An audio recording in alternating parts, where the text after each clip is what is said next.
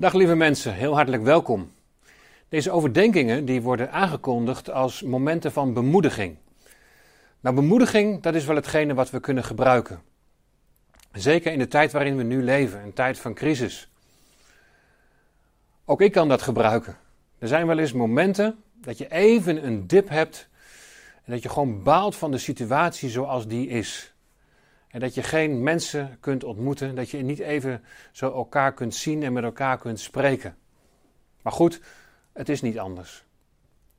Ik kan echt en oprecht zeggen dat over het algemeen ik een hele bijzondere rust en vrede ervaar. En dat is iets wat God geeft. Wat Hij geeft door Zijn Heilige Geest.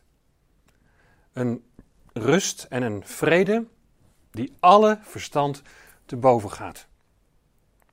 En ik kan jullie ook zeggen dat op het moment dat ik bezig ben met deze bemoedigingsboodschappen, dat ik er allereerst ook zelf door word bemoedigd. Zo ook de vorige keer toen ik in de kerk stond en ik even met jullie nadacht over het kloppende hart van de gemeente. En dat je even weer realiseert van het gaat niet in de allereerste plaats om het kerkgebouw. Het gaat niet in de allereerste plaats om de ontmoeting met mensen. Hoe ontzettend belangrijk en hoe wezenlijk dat ook is. Maar het kloppende hart van de gemeente begint allereerst bij God zelf. Hij die de gemeente heeft bedacht. Het begint bij de Heer Jezus Christus.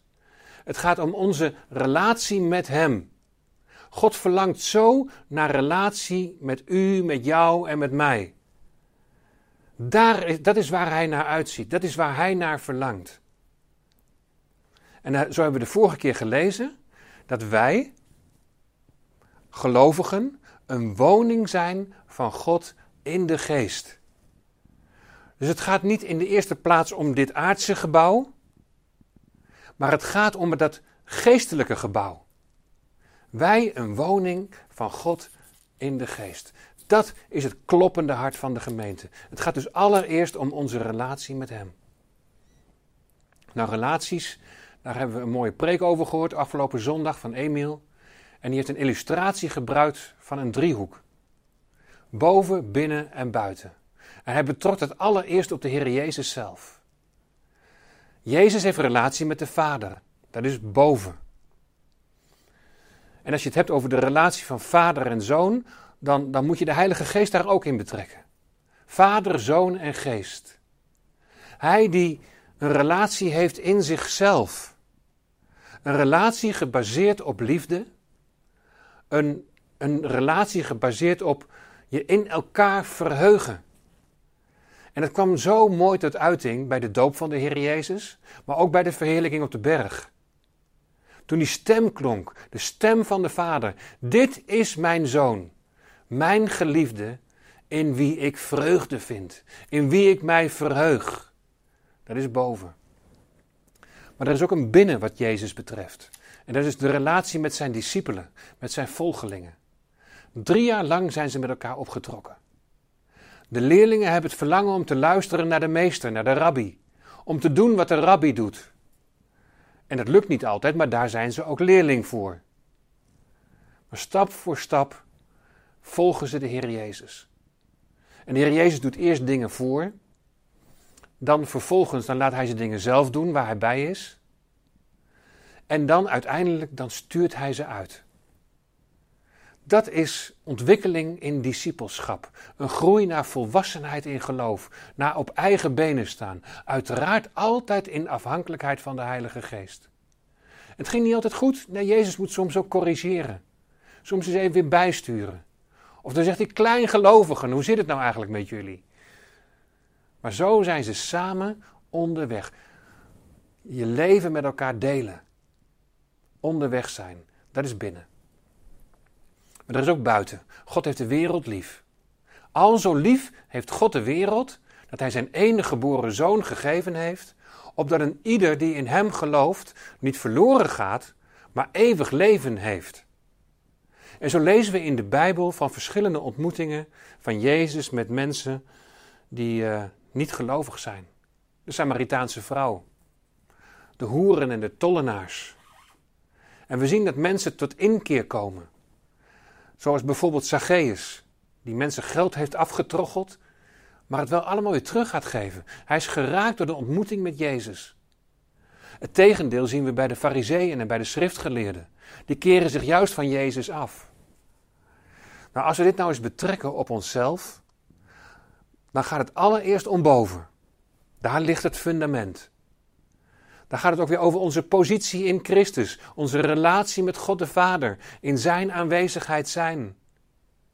Iedere dag momenten van even je terugtrekken in de stilte. Het woord lezen, van God willen ontvangen, Hem aanbidden in geest en in waarheid. Dat is allemaal boven. Binnen, dat is de gemeenschap van gelovigen waar je deel van uitmaakt. Het lichaam van Christus. En we zijn aan elkaar gegeven om elkaar te bemoedigen, om elkaar te steunen, om er voor elkaar te zijn. Maar ook samen, en dat als allereerste, God te aanbidden in geest en in waarheid. En voor ons geldt ook buiten. Want datgene wat we hebben ontvangen, dat we als een schat hebben ontvangen, alle geestelijke zegeningen in de hemelse gewesten, ja, als het goed is wil je daarvan uitdelen.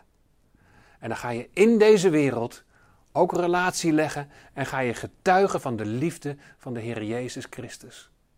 Dan ga je verkondigen dat er bij Hem genade is. Dat Hij vergeving van zonde wil geven. Boven, binnen en buiten. Nou, als we nu kijken naar de Efezebrief, dan ligt de nadruk sterk op boven en binnen. We hebben de eerste drie hoofdstukken gelezen en ik zei de vorige keer al bij de afsluiting, dat kan vrij theoretisch overkomen. Het gaat over jouw positie, daar waar je geestelijk bent. Maar het gaat ook over binnen, want dat is dus boven, maar het gaat ook over binnen, want het geheimenis wordt daar onthuld door Paulus. En dan doelt hij op het lichaam van Christus. Maar het is inderdaad zo uh, het eerste gedeelte, dus de eerste drie hoofdstukken, is wat meer leerstellig, zoals we dat noemen. Wat meer theoretisch. En dan komen we nu in het praktische gedeelte. En onlangs vroeg mij iemand van, hey, zou je ook heel praktisch iets mee kunnen geven aan bijvoorbeeld de gezinnen die nu in zo'n nieuwe situatie terechtkomen? Die veel meer bij elkaar zijn, die uh, veel meer van elkaar afhankelijk zijn en waar zomaar ja, ook een beetje ja, spanningen kunnen gaan ontstaan. Maar misschien dat we iets mee kunnen krijgen als we het Bijbelgedeelte uit hoofdstuk 4 gaan lezen. Het eerste gedeelte dat begint met hoofdstuk uh, eh, 4, vers 21. En dan het laatste gedeelte, daar staat: Door Jezus wordt duidelijk dat u uw vroegere levenswandel moet opgeven en de oude mens die te gronden gaat aan bedriegelijke begeerten moet afleggen dat uw geest en uw denken voortdurend vernieuwd worden en dat u de nieuwe mens moet aantrekken die naar Gods wil geschapen is in waarachtige rechtvaardigheid en heiligheid. Kijk, wat jouw positie betreft, om daar even op terug te komen, is die oude mens weggedaan. Die oude mens is gestorven en die oude mens is begraven. Dat is gebeurd op het moment dat jij tot geloof kwam. Al het oude is weggedaan en het nieuwe is gekomen. Je bent in Christus een nieuwe schepping geworden.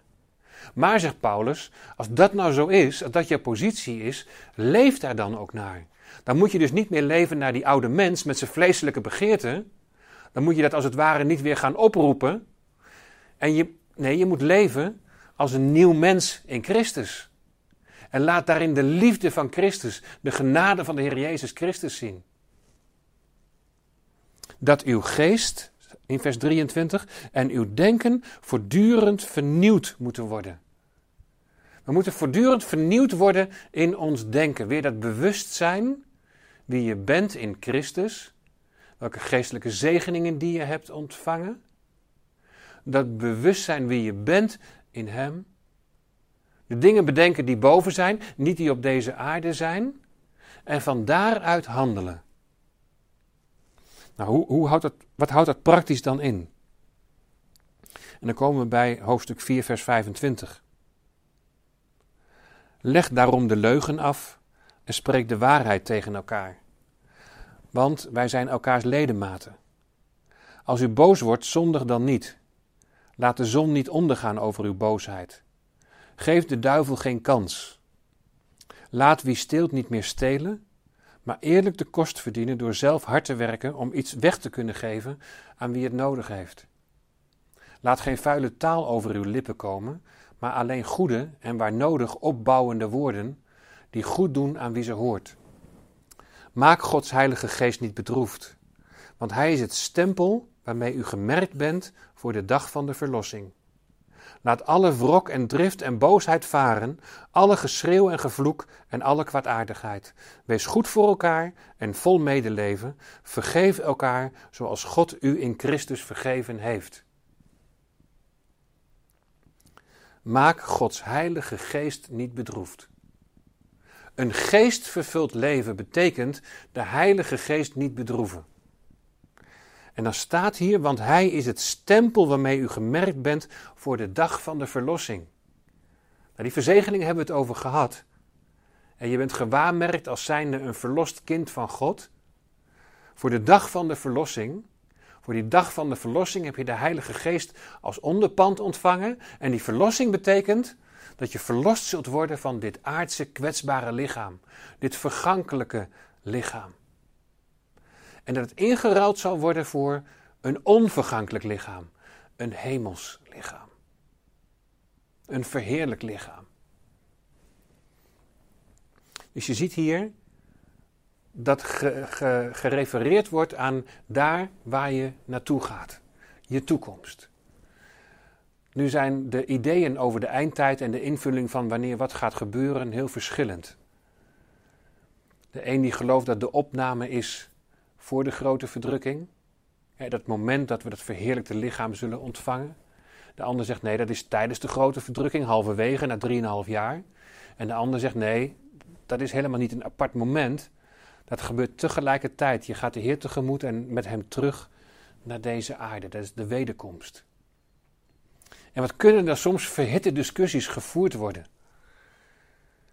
Maar als ik dan, dan dit Bijbelgedeelte zo lees, dan, zou ik de vraag bij je neer willen leggen van waar gaat het hier nu ten diepste om?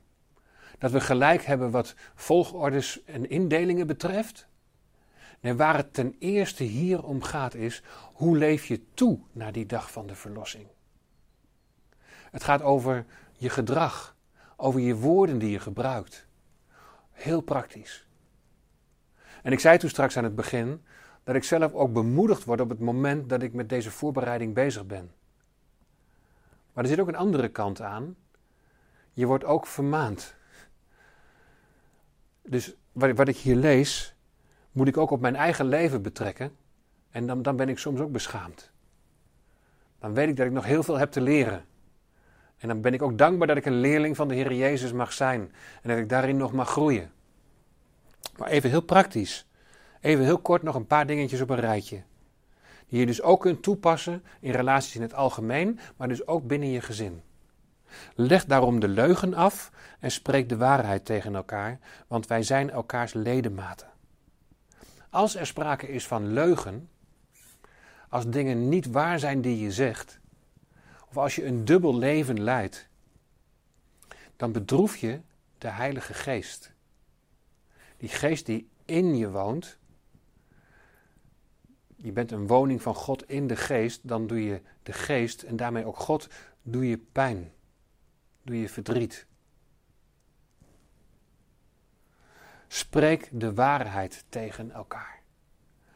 Communicatie binnen relaties, ook binnen het huwelijk, binnen het gezin, is een van de meest belangrijke en wezenlijke dingen.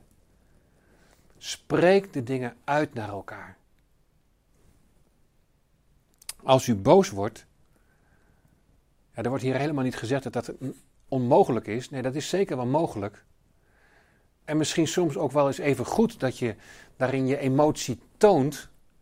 En dan ook even laat merken en zegt: Ik ben boos. Maar dan staat er zondig dan niet. Met andere woorden, laat het geen ongecontroleerde boosheid zijn. Een boosheid waarin je woorden gebruikt, waarin je de kortste keren ook weer, spijt van hebt. Geef de duivel geen kans. Als er sprake is van leugen in je leven, En als er sprake is van, zoals we hier net gelezen hebben, dat je boos wordt, dat het een ongecontroleerde boosheid is, dan geef je de duivel voet. En dan kan hij lekker stoken. Dan uh, is hij als de kippen erbij om, om tweedracht te zaaien. Laat wie steelt niet meer stelen, maar eerlijk de kost verdienen door zelf hard te werken om iets weg te kunnen geven aan wie het nodig heeft. Weet je, ook delen met elkaar, dat is iets wat zo belangrijk is. Kinderen vinden dat soms nog wel moeilijk. Hè? We hebben kleinkinderen en dan zie je ze met dingen spelen en dan willen ze met hetzelfde spelen en dan, dan trekken ze het elkaar uit de handen. Maar we moeten al van jongs af aan leren hoe belangrijk het is om met elkaar te delen. Want immers waar alles wat je ontvangen hebt is niet van jezelf, maar heb je uit genade, uit Gods hand mogen ontvangen. Laat geen vuile taal over uw lippen komen, maar alleen goede en waar nodig opbouwende woorden die goed doen aan wie ze hoort. Je kunt met woorden zoveel kapot maken. Je kunt met woorden kun je iemand zo diep kwetsen. We maken wel situaties mee van mensen die in, in hun jeugd van ouders bepaalde dingen hebben gehoord, die zo kwetsend waren, die zo afwijzend waren, dat ze daar tot op de dag van vandaag nog mee worstelen. Denk eraan wat je zegt. En dat zeg ik ook tegen mezelf. Want in een moment van frustratie of een moment van boosheid kun je, kun je er zomaar wat uitgooien. En je bent het zelf misschien het volgende moment zo weer kwijt. Omdat je bij jezelf denkt, ja maar zo bedoel ik het helemaal niet. Maar bij die ander is het wel binnengekomen. En kan het wel aan gaan haken. En kan het ontzettend pijn gaan doen. En als je dat doet, bedroef je daarmee ook de Heilige Geest. Doe je hem pijn en verdriet. Doe je je Vader in de hemel pijn en verdriet. Hier staat: doe het tegenovergestelde. En gebruik opbouwende woorden naar elkaar. Elkaar eens even bemoedigen. En ik moet daar ook zelf, ik zal eerlijk zijn, ik moet er echt alert op zijn om dat ook te doen. En te zeggen wat ik waardeer. Die waardering is er uiteraard. Maar het is ook zo goed om het met je mond uit te spreken. Het ook gewoon te zeggen naar elkaar. Maak Gods Heilige Geest niet bedroefd. Laat alle wrok en drift en boosheid varen. Alle geschreeuw en gevloek en alle kwaadaardigheid. Hier staat: wees goed voor elkaar en vol medeleven. Dat betekent wees geïnteresseerd in die ander. Ik moet me daar soms echt op concentreren. Omdat ik soms met zoveel dingen tegelijk bezig ben. En dan dat ik even alert moet zijn van, oh wacht even, er gebeuren ook nog meer dingen om me heen. Dat je even alert bent en, en ziet waar die ander uh, mee bezig is. En wat die ander interesseert. En dat je daar zelf ook oprecht in geïnteresseerd bent. Wees vol medeleven met elkaar, ook als een ander in nood is of pijn of verdriet ergens over heeft. Dat je daar even de tijd voor neemt. Vergeef elkaar zoals God u in Christus vergeven heeft. Ook dat zo wezenlijk. Om vergeving te vragen en vergeving ook te geven. Zomaar even een aantal handvaten. Zit je aan de verkeerde kant, dan bedroef je de Heilige Geest. Gaat de Heilige Geest dan bij je weg? Nee, je bent verzegeld met de Heilige Geest der belofte. Maar weet je, als je de Heilige Geest bedroeft, kun je wel een heel stuk vreugde in je leven wegnemen. De vreugde over het kind van God zijn, de vreugde van je positie in Christus. Je hart wordt verhard. Het heeft zo'n destructieve uitwerking in je leven als je de Heilige Geest van God bedroeft. Het is het risico dat je de Heilige Geest dooft. 1 Thessalonicense 5 die, die, die spreekt daarover. 1 Thessalonicense 5 en dan vers uh, eh, 19. Daar staat doof de geest niet uit. Dat is beeldspraak uh, en dat heeft betrekking op vuur dat door gebrek aan zuurstof langzamerhand uitdooft. En dan blijft er een beetje een smeulend vuurtje over. Een geestvervuld leven, dat betekent dat, dat er van binnen opgeruimd is. Dat er ruimte gegeven wordt aan de werking en de kracht van de Heilige Geest. En dat er geen dingen zijn die de Heilige Geest bedroeven. En als dat wel zo is, dan is het zo belangrijk dat je 1 Johannes 1 vers 9 in praktijk brengt. Dat je je zonde beleidt. Dat je het uitspreekt. Want als je de geest bedroeft, als je zondigt, dan, ja, dan, dan drukt dat als het ware op je. Dan drukt dat op je geweten. En dan is het zo belangrijk, als je daarin vrij wil komen, om het ook uit te spreken. Naar God in allereerste plaats, maar ook naar mensen als dat nodig is. Als het daar betrekking op heeft. Doof de geest niet uit. En dan staat er in vers 23: Mogen de God van de vrede zelf uw leven in alle opzichten heiligen. En mogen heel uw geest, ziel en lichaam zuiver bewaard zijn bij de komst van onze Heer Jezus Christus. Weer, hoe leef je naar die toekomst toe? Dat je naar geest, ziel en lichaam zuiver bewaard zult zijn bij zijn komst. Kun je dat vanuit jezelf? Nee. Daarom ben ik zo blij met vers 24. Hij die u roept is getrouw. Hij zal het doen. Hij wil het door zijn geest in je uitwerken. Dat je van binnenuit veranderd wordt. Steeds meer naar het beeld van de Heer Jezus. Een geestvervuld leven is een leven dat steeds meer laat zien van de Heer Jezus. Ik wil met jullie nog tot slot een uh, klein gedicht lezen dat ook gaat over dit onderwerp. En daar staat boven: Dicht bij mijn hart. Staat u zo dicht bij mijn hart dat ik u kan bedroeven, Heer? Ervaart u werkelijk zo'n smart over zonden die niet meer hoeven, Heer, maar toch worden gedaan? Leeft u zo sterk met mij mee dat ik u pijn zal kunnen doen? Hoor ik echt uw diep bedroefde nee over zonden die in uw lijden toen allen zijn weggedaan? Ik lees het, Heer, en moet beleiden dat ik u pijn heb gedaan. Wilt u mij van die last bevrijden? Opdat u zich weder kan verblijden over de nieuwe weg die ik mag gaan? Want u staat zo dicht bij mijn hart, dat u uw leven leeft in mij. U toont mij uw genadepad, waarop ik nu van zonden vrij de zonde niet meer hoef te dienen.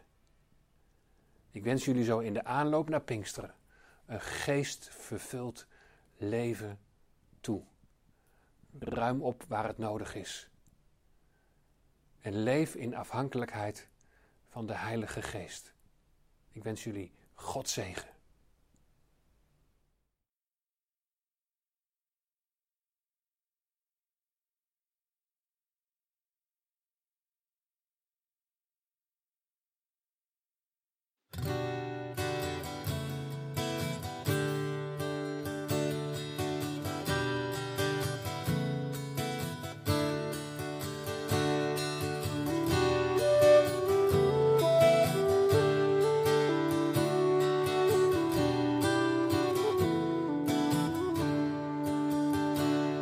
Was mij witter dan sneeuw, was mij schoon van mijn schuld.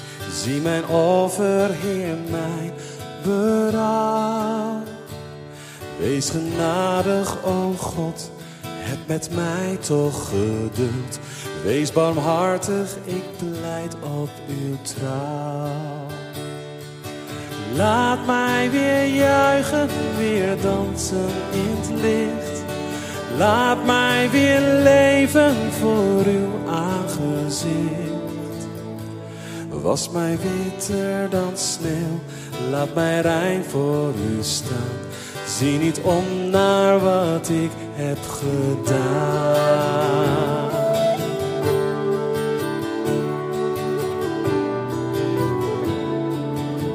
Was mij witter dan sneeuw, was mij witter dan sneeuw Maak mij sterk door uw geest.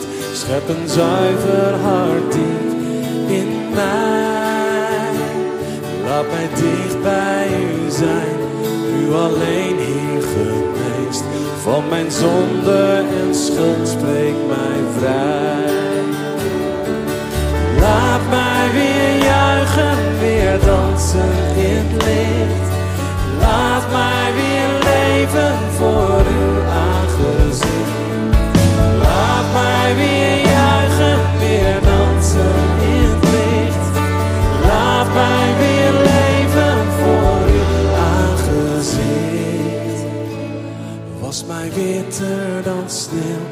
laat mij rein voor u staan. Zie niet om naar wat ik heb gedaan.